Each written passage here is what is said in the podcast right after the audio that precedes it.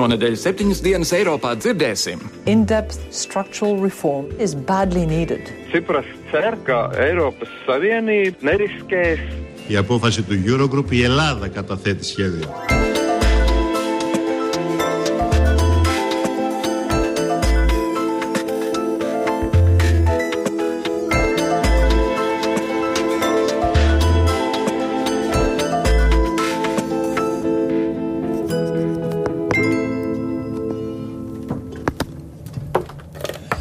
Labdien, godājamie klausītāji! Sveicam no jauna raidījumā septiņas dienas Eiropā. Šeit mēs spriežam, kā notikumi Eiropā un pasaulē ietekmē mūs arī tepat Latvijā. Mans vārds ir Kārlis Streips. Pasaules septiņu bagātāko industriālo valstu līderi svētdien tikās Bavārijas Alpos uz G7 grupas samitu. Nama māte Angela Merkele iecerēja samitā ar Lielbritānijas, Francijas, Itālijas, Kanādas, ASV un Japānas, bet uzskatāmi un ar pietiekami konkrētu nolūku ne Krievijas vadītājiem panākt vienotu nostāju par globālās sasilšanas novēršanu pirms ANO klimata samita Parīzē decembrī. Darba kārtība arī, kārtībā arī bija paredzētas diskusijas par globāliem veselības jautājumiem, tostarp par ebolas vīrusu. Toties visiem ir skaidrs, ka šo divu dienu samitu aizēno Grieķijas parādu krīzes risināšana un jauna kara darbības eskalācija Ukrainā. Tādēļ šodien raidījumā runāsim par to, kas pagājušajā nedēļā runāts lielajos ekonomiskās sabiedrības un attīstības organizācijas un G7 samitos, un kā Grieķijas premjeras Cipras presē aizdevējus aizvaino, bet aizkulisēs zvanās pa labi un pa kreisi, lai glābtu savu valsti no defaulta. Toties vispirms uzklausīsim dažus viedokļus par pēdējā laika skandāliem, kas satricinājuši Startautisko futbola federāciju FIFA.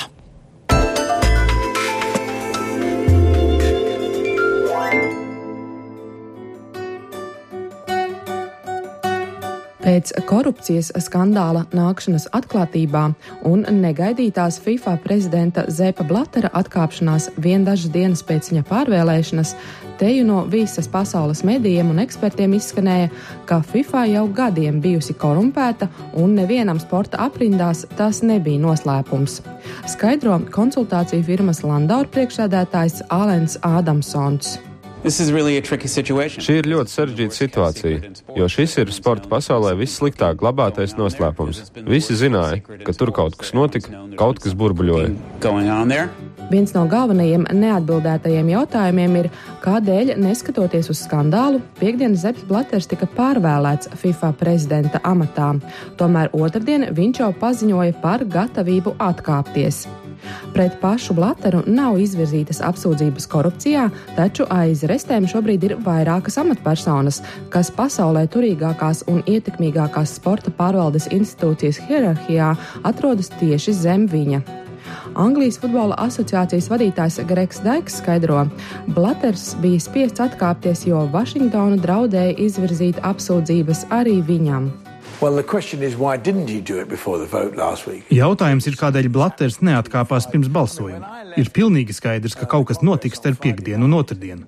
Kad es atstāju FIFA kongresu piekdienu vakarā, es mēdījiem teicu, hei, tās vēl nav beigas. Tas puisis nekad neizvilks vēl četrus gadus amatā, taču pat es nedomāju, ka tas notiks jau otrdien.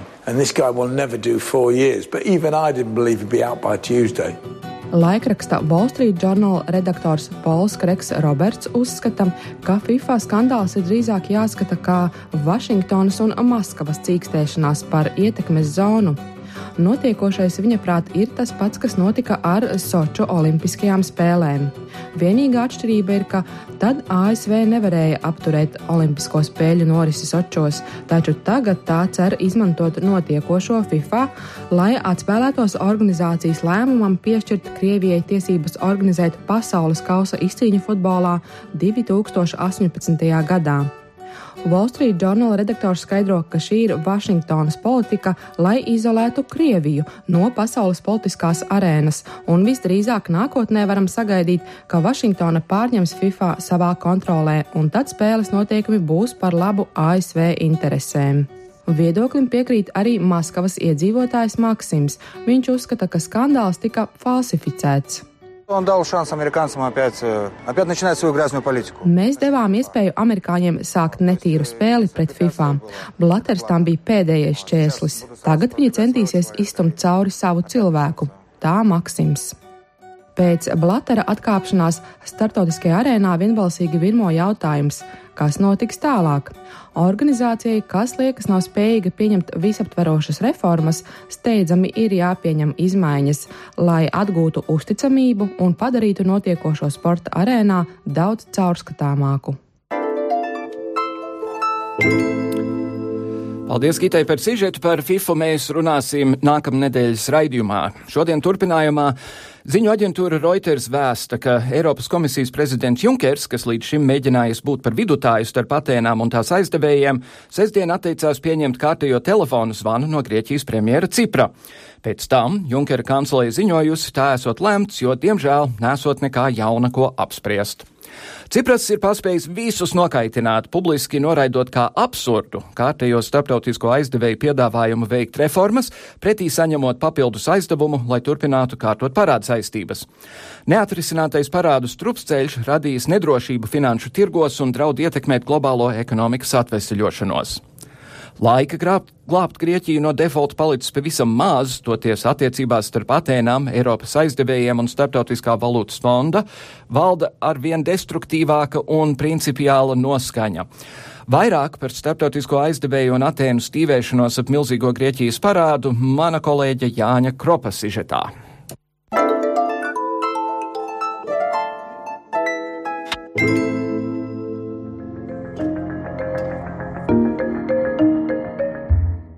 Nauda, kuras iespējams nav un nekad nav bijis, jeb tomēr parāds, ko iespējams norakstīt vai pārcelt vēlākam atmaksas brīdim. Tādas varbūtības tika izskatītas pagājušajā nedēļā, kad Grieķijas premjerministram bija jāspēj atrast kopēju valodu ar starptautiskajiem aizdevējiem sarunās Briselē.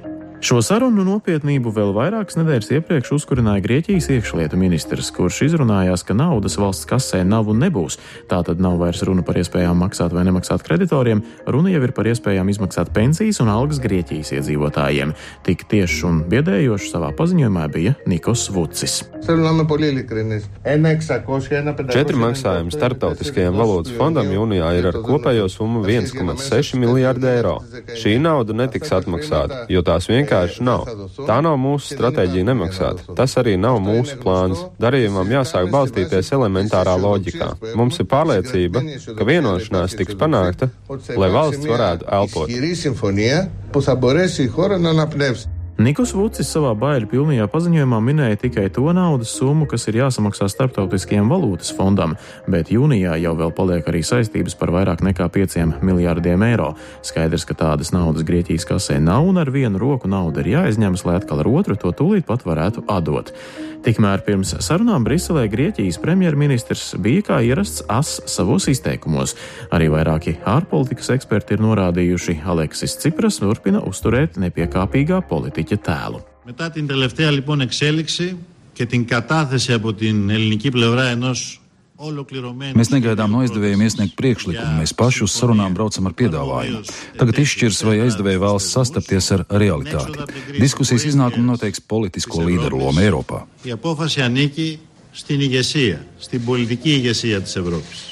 Startautiskais valūtas fonds ir tā iestāde, kurai pārmeta, ka tā ir pārāk asa savā nostājā pret Grieķiju. Fonda vadītāja Kristīna Lagarda nereizi vien ir iztaujāta, kāpēc tad fonds ir tik nepiekāpīgs.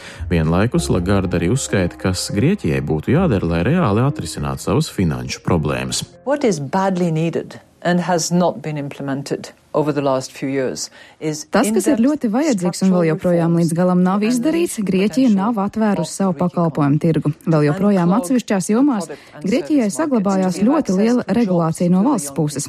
Jādara viss, lai mazinātu bezdarbu, un to var izdarīt atvieglojot noteikums jauniem pakalpojumiem un jaunām precēm. Piemērs Grieķijai ir regulācija transporta jomā, bet par pensijām vispār nerunāsim. Tās rada ļoti lielu smagumu uz valsts finansēm.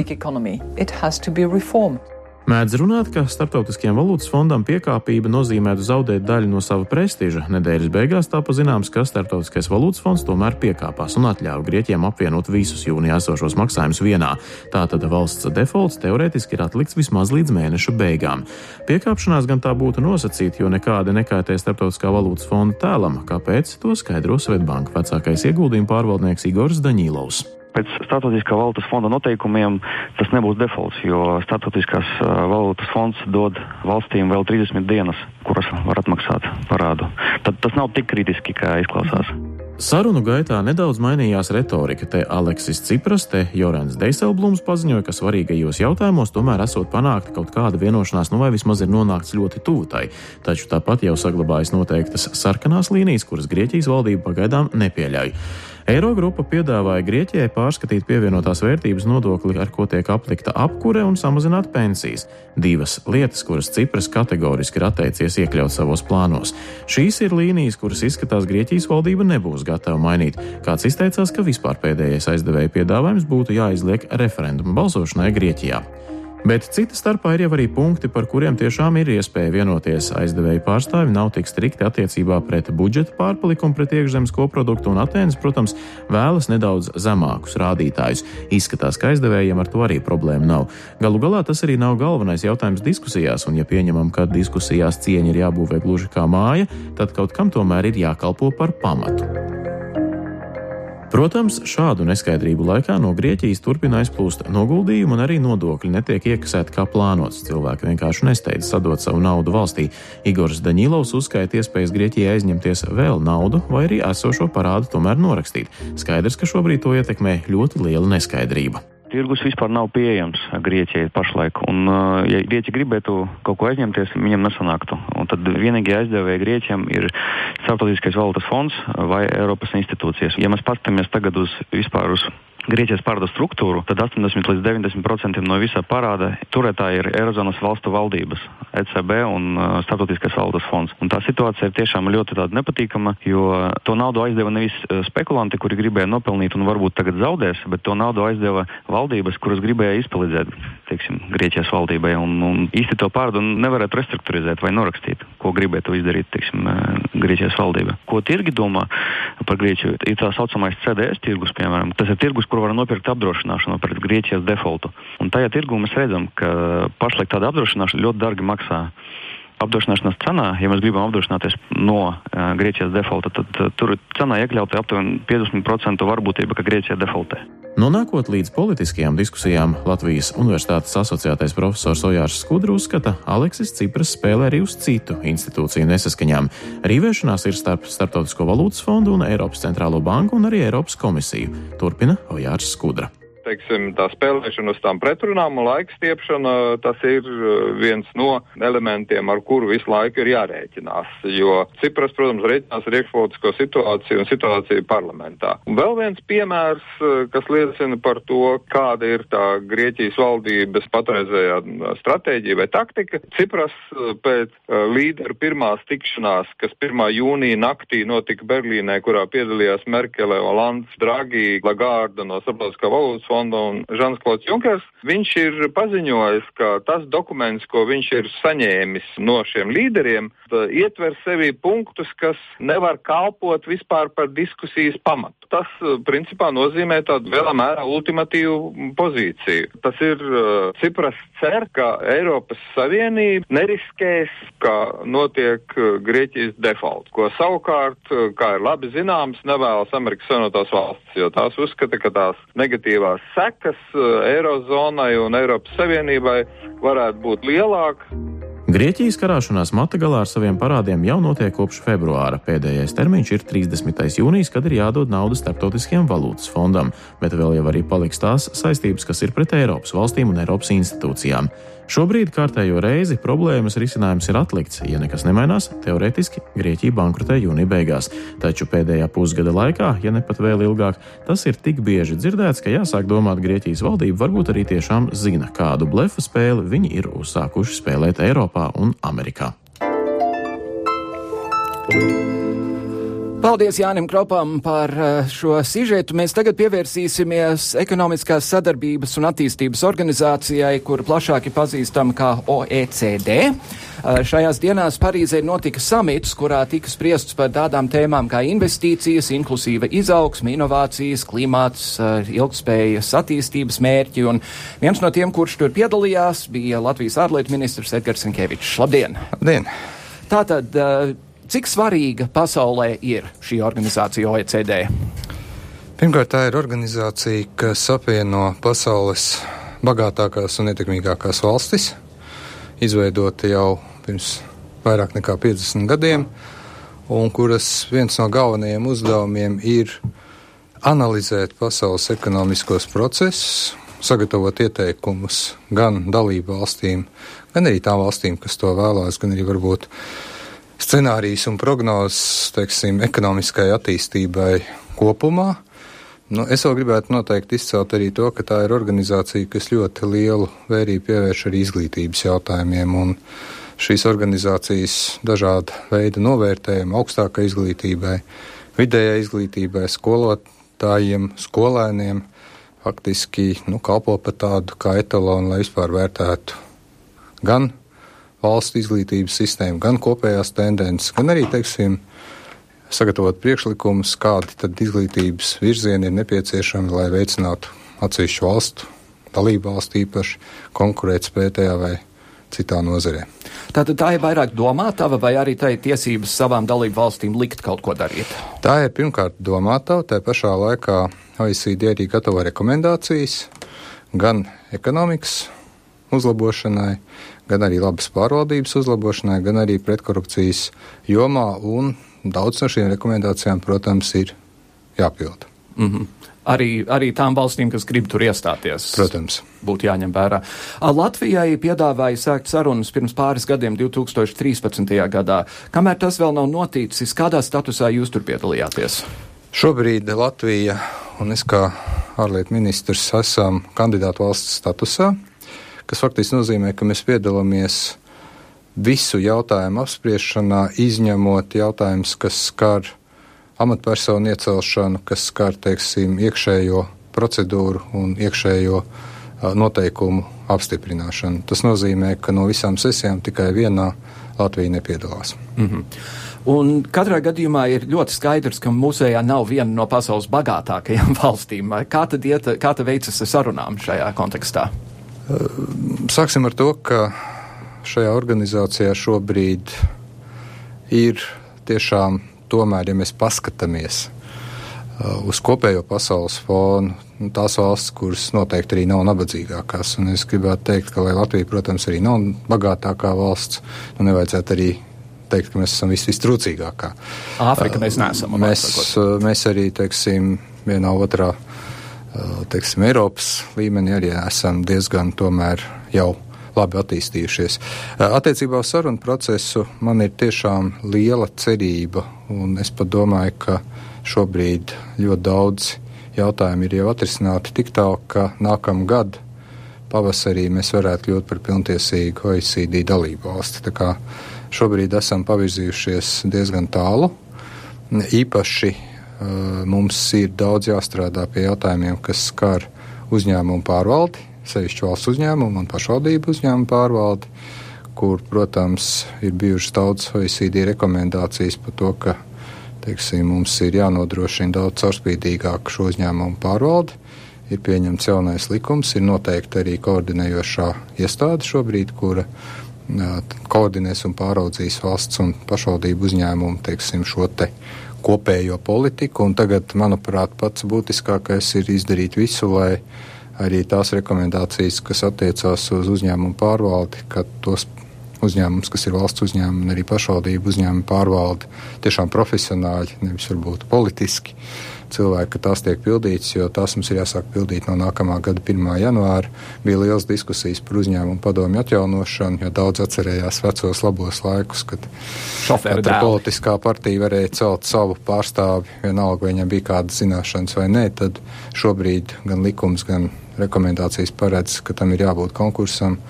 Un šajās uzņēmumu padomēs var būt tikai cilvēki, kuriem ir zināšanas, kuriem ir teiksim, pieredze attiecīgās jomas pāraudzīšanā. Tā kā tas, manuprāt, nu, beigu beigās būs labs ieguldījums arī Latvijā, mūsu teiksim, valsts un pašvaldību uzņēmumu pāraudzībā. Otra lieta, protams, ir viss, kas saistās ar pretkorupcijas jautājumiem kur teiksim, mums vēl pirms pusotra gada nebija likumā nostiprināta atbildība, piemēram, par kādas citas valsts amatpersonu piekukuļošanu, par sadarbību, teiksim, kukuļošanas apkarošanā ne tikai Eiropas Savienības ietvaros, bet faktiski daudz plašākā ap, apjomā. Un šeit mēs esam ratificējuši konvencijas, arī pieņēmuši nepieciešamos grozījumus likumos. Mēs pamatā, pamatā šobrīd diezgan labi virzamies sarunu procesā. Lietuva ir sākusi sarunu šogad. Mhm. Vai, vai šīs un Igaunija jau ir dalība valsts? Igaunija no ja nemaldos, 2010. gada mm -hmm. dalībvalsts. Vai OECD arī kaut kādā veidā domā par to, cik lielu lomu mūsu tautsēmniecībā spēlē Krievija, it īpaši pašreizējos apstākļos? Uh, teiksim, tas, kā uz valstu ekonomiku raugās OECD, tas ir gan uh, nodokļu politika, gan, teiksim, kā jau es teicu, kādu lomu spēlē kaut vai izglītības sistēma, cik izglītības sistēma ir spējīga sagatavot valsts ekonomikai nepieciešamos speciālistus, cik tā spēj teiksim, būt konkurētspējīga. Kādi ir arī ģeopolitiskie riski un izaicinājumi? Protams, kad arī šie jautājumi tiek uh, vērtēti.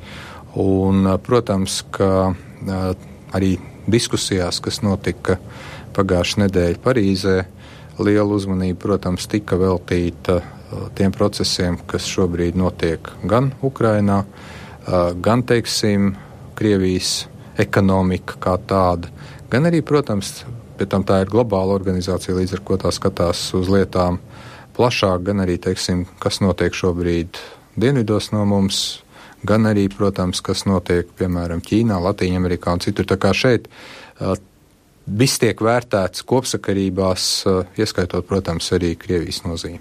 -hmm.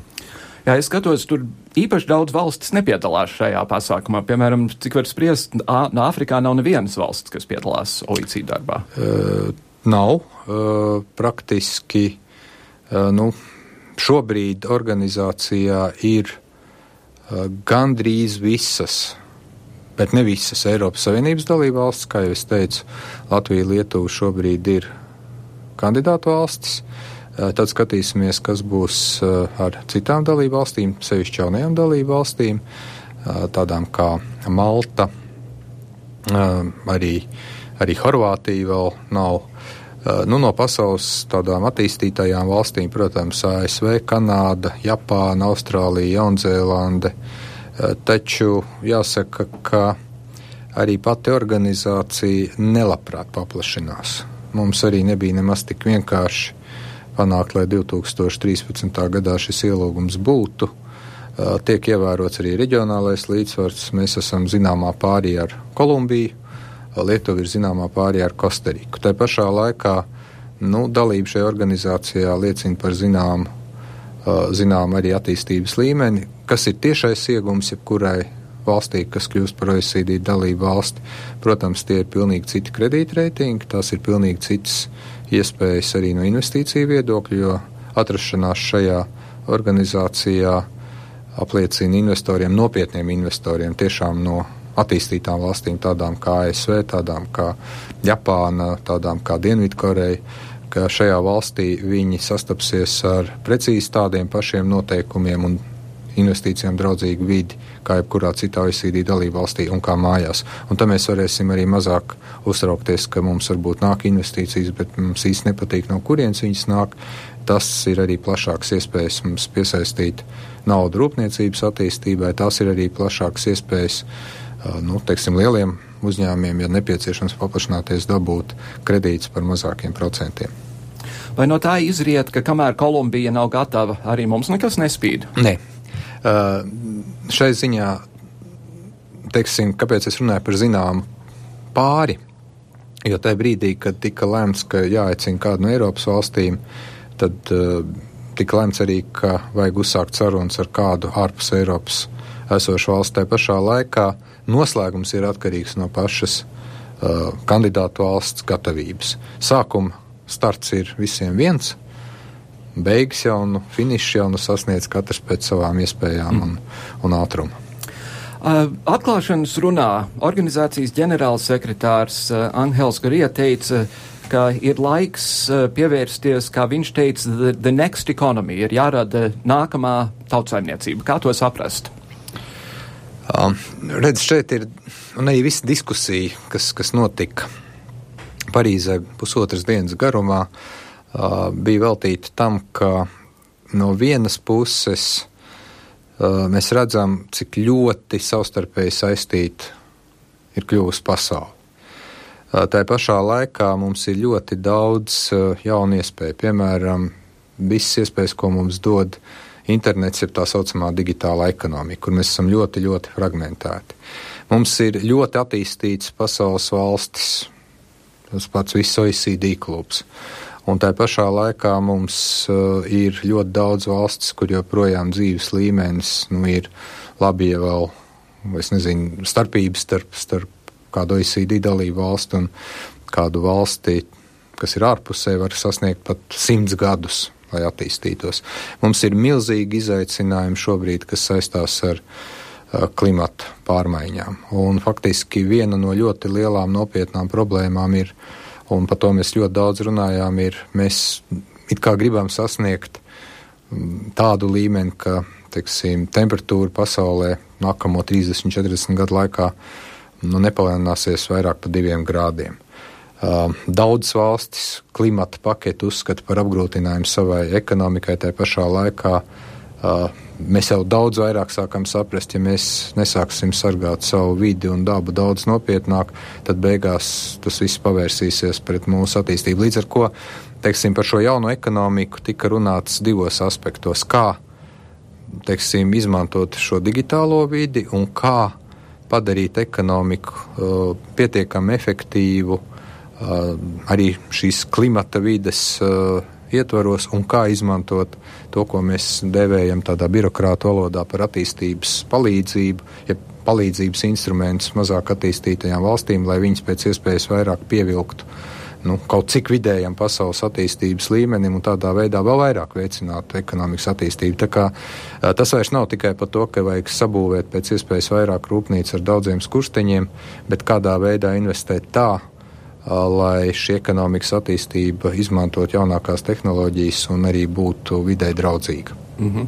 Jā, te ir tāds interesants teikums šajā uzrunā. Mums ir vajadzīgs jauns ekonomisks modelis, kurā dzīvnieku sugu izmiršanu aizvieto jauniešu bezdarba izmiršana, kur valdību izjaukšanu atvieto konfliktu, interešu konfliktu un korupcijas izjaukšanu, un kur lielais mērķis ir vairunāt iesaistas iespējas un investīciju uh, loma ir mūsu nākotnes DNS.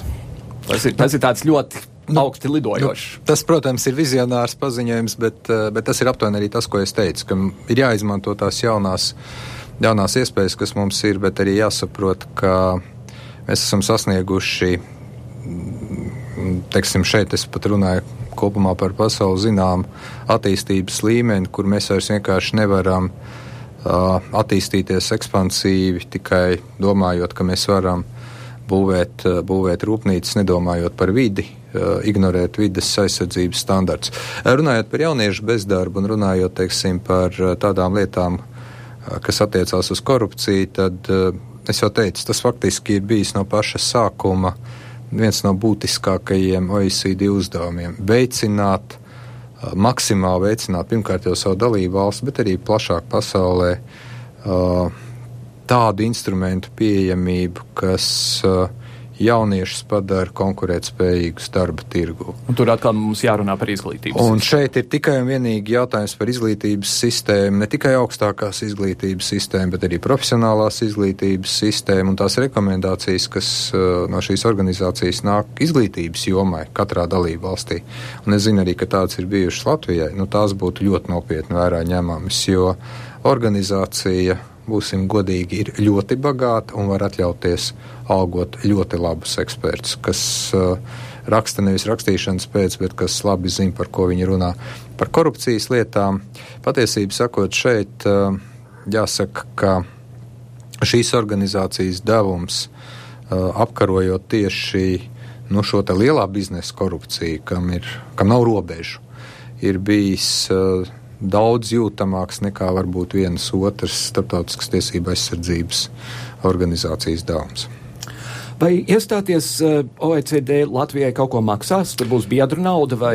Neapšaubāmi, ka katra dalība organizācijā nozīmē arī biedra naudu. To attiecīgi aprēķina pēc zināma koeficienta, kas ir valsts iekšzemes koprodukts, kas ir, protams, valsts iedzīvotāja ekonomiska attīstība. Tāpēc es pirms iestāšanās uh, negribētu prognozēt, uh, kāds būs šis lielums. Tas ir atkarīgs lielā mērā no mūsu paša ekonomiskās attīstības. Un vienādi vai otrādi tas būs tā vērts? Nu, tas būs tā vērts. Tajā pašā laikā Tieši tāpat kā dalība vienā otrā citā arī organizācijā, mums ir jāapzinās, ka tikai no mūsu paša spējas maksimāli daudz paņemt no šīs organizācijas, tikai šī mūsu, šī mūsu spēja izmantot šos padomus, izmantot iespējas, izmantot kaut vai to pašu kredīta reitingu un arī jauno potenciālu investīciju klimatu būs arī, būs arī šīs cenas vērta. Mēs paši varam lielā mērā, lielā mērā teiksim, šo dalības naudu izmantot liederīgi. Mm -hmm. No drusku citas operas mēs šodien raidījumā arī esam runājuši par stīvēšanos starp Eiropas Savienību un Grieķiju pat labāk. Kā Latvija uz to skatās? Šobrīd, diemžēl, jāsaka, ka šī stīvēšanās jau ir ielgusi. Mēs ļoti labi zinām, ka tas ne, absolūti nav pirmais cēliens un pat ne otrais cēliens. Un šeit es gribētu teikt, ka mūsu pozīcija ir bijusi vienmēr ļoti skaidra. Mēs uzskatām, ka Grieķijai ir jāpilda tās vienošanās. Ir bijušas ļoti daudz sarunas, ir mēģinājumi rast zināmu vienošanos.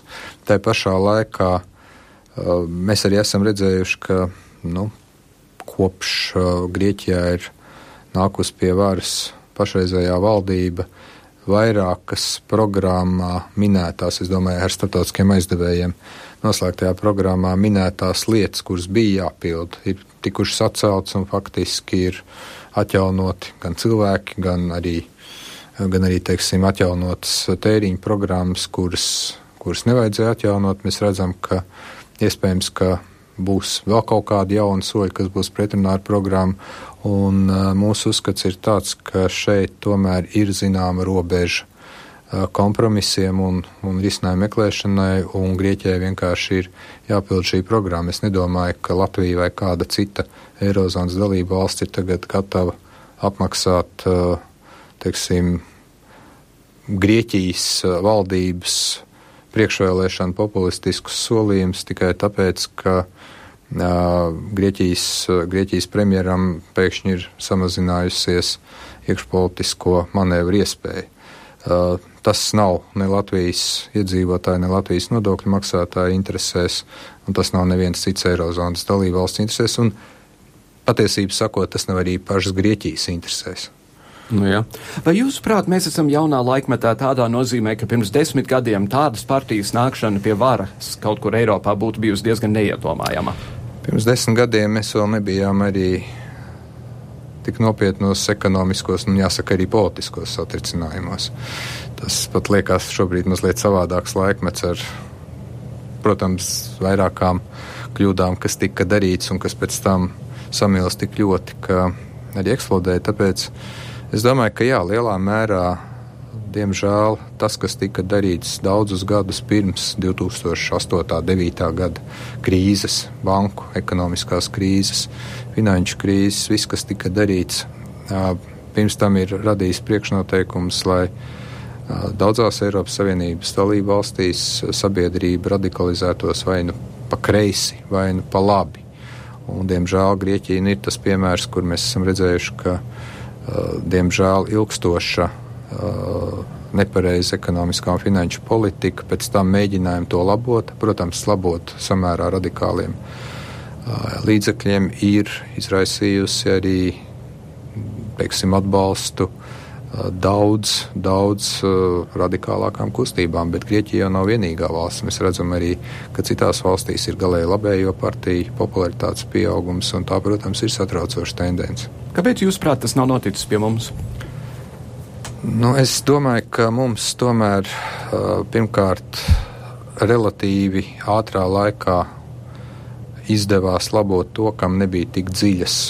Varbūt arī saknes. Nu, jā, mums bija tā saucamie treknie gadi. Mēs iestājāmies Eiropas Savienībā 2004. gadā, bet tomēr relatīvi varbūt nu, tas, kas bija kļūda kādreiz, ja, kas bija tātad politika gāza grīdā, tēriņi, dažādu programmu pieaugums, tam, tam nebija varbūt tik ilglaicīgs raksturs, un tomēr arī Latvijā es zinu, ka daudz vēl joprojām nav atguvušies no, no krīzes sekām, un nav tas ienākuma līmenis atpakaļ, bet tomēr relatīvi īsā laikā mums izdevās atgriezties pie nu, daudz, daudz nopietnākas izaugsmes. Un otrkārt, manuprāt, šeit tomēr daudz, daudz nopietnāku lomu, kā varbūt citur nospēlē tas, ka nu, mēs tomēr arī sajūtām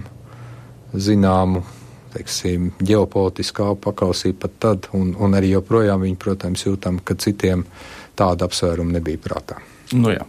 Un pēdīgi, ministra kungs, vai jūsu darbā kaut kas ir mainījies, kopš jūs visai pasaulē pazvēstījāt, ka esat gejs? Nekas īpaši nav mainījies.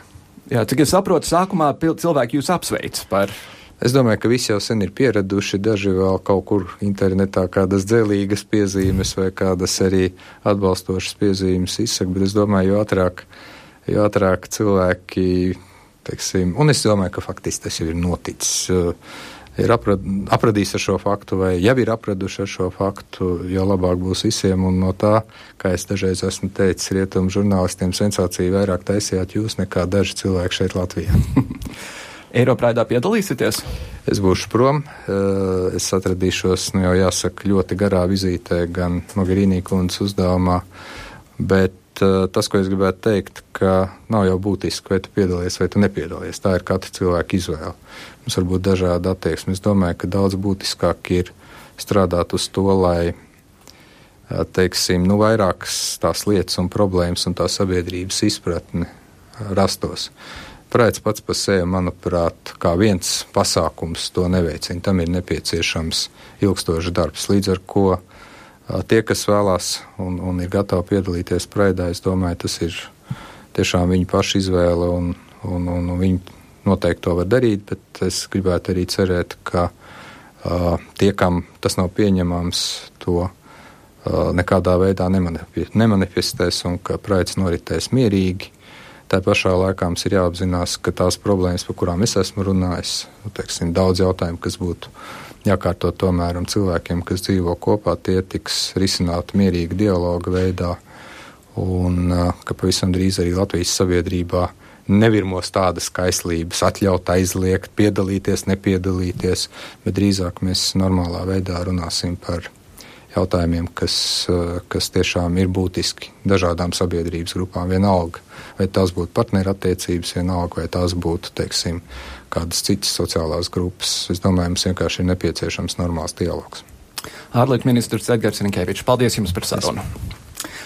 Nanozinātne un nanotehnoloģijas atomu un molekulu līmenī pēta un rada jaunus materiālus un iekārtas ar brīnumaini uzlabotām īpašībām. Nanodaļiņas jau mums ir visapkārt - elektronikā, sakaru tehnoloģijās, veselības aprūpē, farmācijā, lauksaimniecībā, pārtikas tehnoloģijās, kā arī sadzīves ķīmijā un kosmētikā.